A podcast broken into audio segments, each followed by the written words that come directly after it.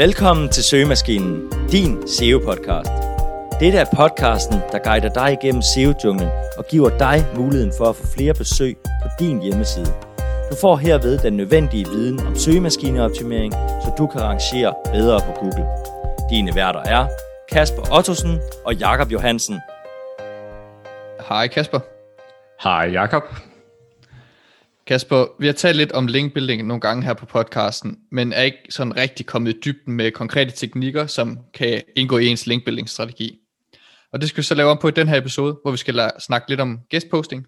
Og det er på trods af, at Matt Cutts, som i 2014 var ude at sige, at guestposting ikke længere var en god metode, fordi det var blevet alt for spammy, og der var utrolig mange, der benyttede sig af det. Som til dem af, der ikke ved det, han var leder af, eller tidligere leder af Googles webspam team. Men faktisk så er der mange, der oplever stor succes med guestblogging, hvis det er af høj kvalitet, både i forhold til de artikler, du rent faktisk leverer, og så de sider, du får links fra. Så i den her episode, der kommer vi blandt andet ind på, hvad guestposting er, processen fra start til slut, herunder hvordan du finder hjemmesider, som du kan guestblogge på, hvilke tools du kan bruge til at finde e-mailadresser, gode råd til outreach-mailen og meget mere. Afslutningsvis kommer vi også til at fortælle lidt om, hvilke nogle fordele og ulemper der så er ved den her teknik, som er guestblogging. Men Kasper, vil du ikke først og fremmest starte med at snakke om, hvad guestposting det egentlig er? Grundlæggende er guestposting eller guestblogging en metode, hvor du skriver en artikel, som udgives på en anden hjemmeside. Du er i essensen en gæst, som poster eller skriver på et andens domæne. Dette kan så benyttes til linkbuilding ved, at du indsætter et link i denne gæstartikel tilbage til din egen hjemmeside. Udover at give link værdi, så kan det også hjælpe dig med at bygge et brand, skabe referral trafik og give noget social proof, hvis det gøres ordentligt. Når vi taler om at gøre det ordentligt, så skal du undgå såkaldte spammy guest blogging, som indebærer upersonlige e-mail templates uden kontekst, som sendes til tusindvis af sites. Det er at skrive til medier, som ikke er relevante, og hvor der ikke er nogen connection mellem medierne. Eller levere artikler med lav kvalitet. Og hvordan gør du det så ordentligt? Først starter det med mulige hjemmesider, som du kan lave guest post for. Og Jakob, vil du fortælle lidt om, hvordan man finder nogle af de her såkaldte suspects?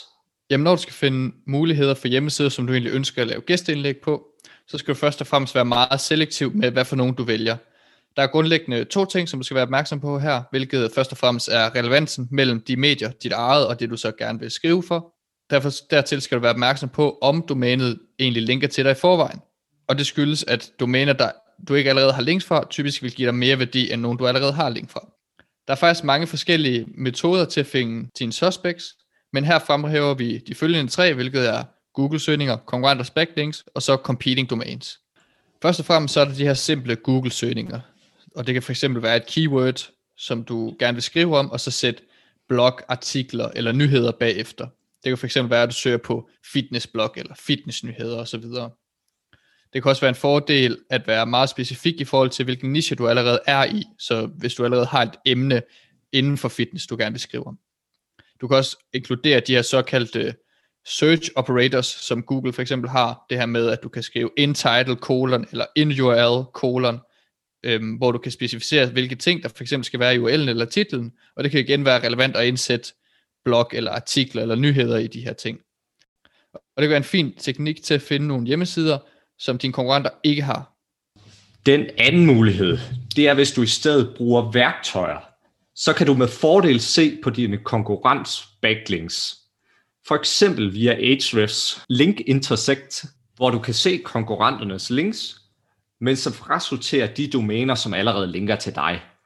Det kan både gøres for hele domænet og for specifikke URL'er og URL-spor. Man kan også gøre noget lignende på Semrush via deres backlink gap værktøj.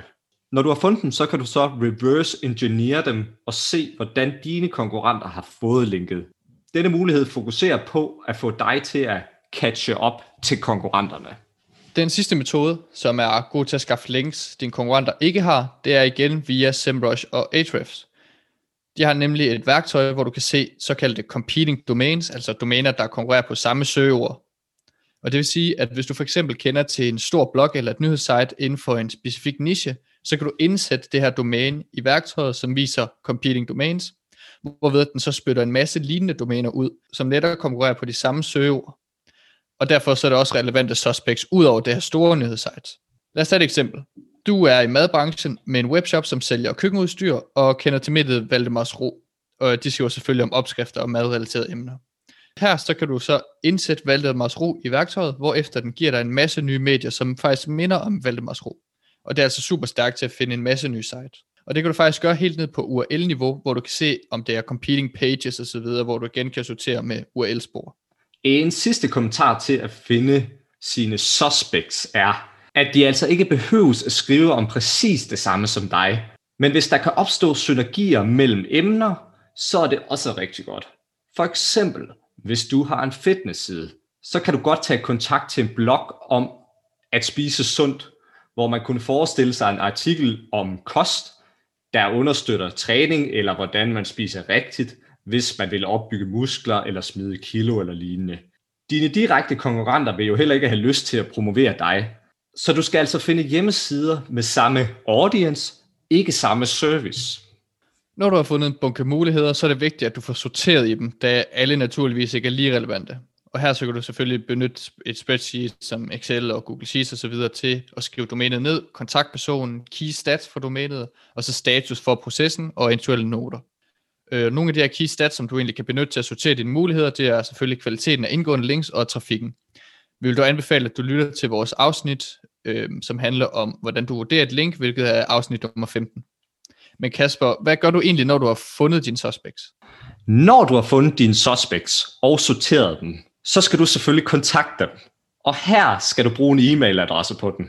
Jeg ved, at Jakob benytter Hunters Chrome extension, men der findes også andre værktøjer som interceller.io eller name to email til at finde de her e-mails.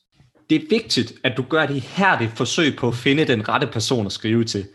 Det vil øge dine chancer for succes markant, frem for bare at benytte virksomhedens infomail eller kontaktformular.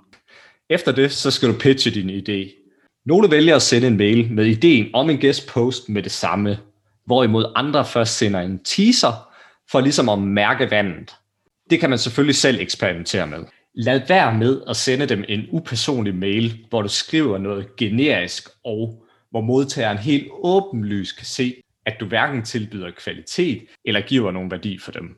I stedet bør du fokusere på at personalisere en mail til modtageren, hvor du tydeliggør, hvad de får ud af det, samt rent faktisk har en god årsag til at skrive til dem. Sørg også for at komme med gode idéer til, hvad du ønsker at skrive om. Det skal være noget, som de ikke selv kan skrive, men noget du og din virksomhed er eksperter i. Her kan du også samtidig forsøge at bygge relationer, da du for eksempel kan få gavn af disse på et senere tidspunkt. Et andet tip er at sende follow-up e-mails, da det der også øger din responsrate meget. Som tommelfingerregel bør du sende 1-3, men helst ikke flere. Dertil skal du overveje, hvor lang tid der skal gå imellem. Der er en undersøgelse fra Hotspot, som siger, at der skal gå mellem 3 til 7 dage. Jakob, vil du fortælle lidt om, hvordan man skal skrive artiklen? Det vil jeg i hvert fald. For når du har landet en aftale, så skal du selvfølgelig i gang med at skrive artiklen. Og det er især vigtigt, at du ved, hvem du skriver for og til, og hvad de ønsker at vide. Så du skal sætte dig ind i læserens sted, og du skal være opmærksom på den hjemmeside, du egentlig skriver for. Og her så er det vigtigt ligesom at forventningsafstemme med den kontaktperson, du så har. Derudover så er det vigtigt, at du sørger for, at artiklen er af høj nok kvalitet. Ellers så er det bare dobbeltarbejde, og du risikerer at miste muligheden for at få et link, hvis de ikke godkender artiklen første omgang. En anden fordel ved at skrive en god artikel er, at du får mere linkværdi og referral traffic, hvis du skriver en artikel, som egentlig rangerer og skaber trafik til det domæne, du så skriver for. Det kan også være et godt argument for at overbevise om, at du skal skrive en artikel, hvis du kan sælge med at sige, at du skaber organisk trafik for modtageren. Der er både fordele og ulemper ved guest post. En af fordelene ved at benytte guest blogging som en del af din link building strategi er, at du typisk vil finde linkmuligheder, som dine konkurrenter ikke har, eller som er svære at replikere, hvilket vil differentiere din linkprofil og skabe en fordel for dig. En anden fordel er, hvis guest blogging bliver gjort rigtigt, så kan du udvide dit netværk samt bygge relationer og potentielt give dig nogle unikke muligheder i fremtiden. En sidste fordel er selvfølgelig referral trafik. En ulempe er, at det nogle gange kan være tidskrævende ved at undersøge medierne. komme med gode pitch og skrive artiklerne. Dertil kan det, når du har været i gang i længe, måske være svært at finde nye muligheder, hvis du altså er en mindre niche. Dertil virker taktikken bedst på større markeder, hvor der er flere relevante sites. Vi har nu været igennem de vigtigste elementer af guest posting eller guest blogging med henblik på at bygge links. Hvis vi skal pege på nogle konkrete takeaways for den her episode, så er det, at du kan finde mulige domæner at skrive til via Google-søgninger, konkurrenters backlinks eller competing domains. Domænerne skal have en vis kvalitet og helst ikke have ligget til dig før. Sørg for, at både din outreach-mail og det content, du skriver, er i høj kvalitet, samt at du sender til den rigtige modtager. Kort sagt, så skal du være autentisk. Guest post kan være en rigtig god mulighed at differentiere din linkprofil og give dig en konkurrencemæssig fordel, som dine konkurrencer har svært ved at replikere. Tusind tak, fordi du lyttede med. Vi vil sætte stor pris på, hvis du vil bruge to minutter på at skrive en anmeldelse af denne podcast på iTunes, eller der, hvor du lytter til podcast, da det vil hjælpe os med at nå ud til endnu flere.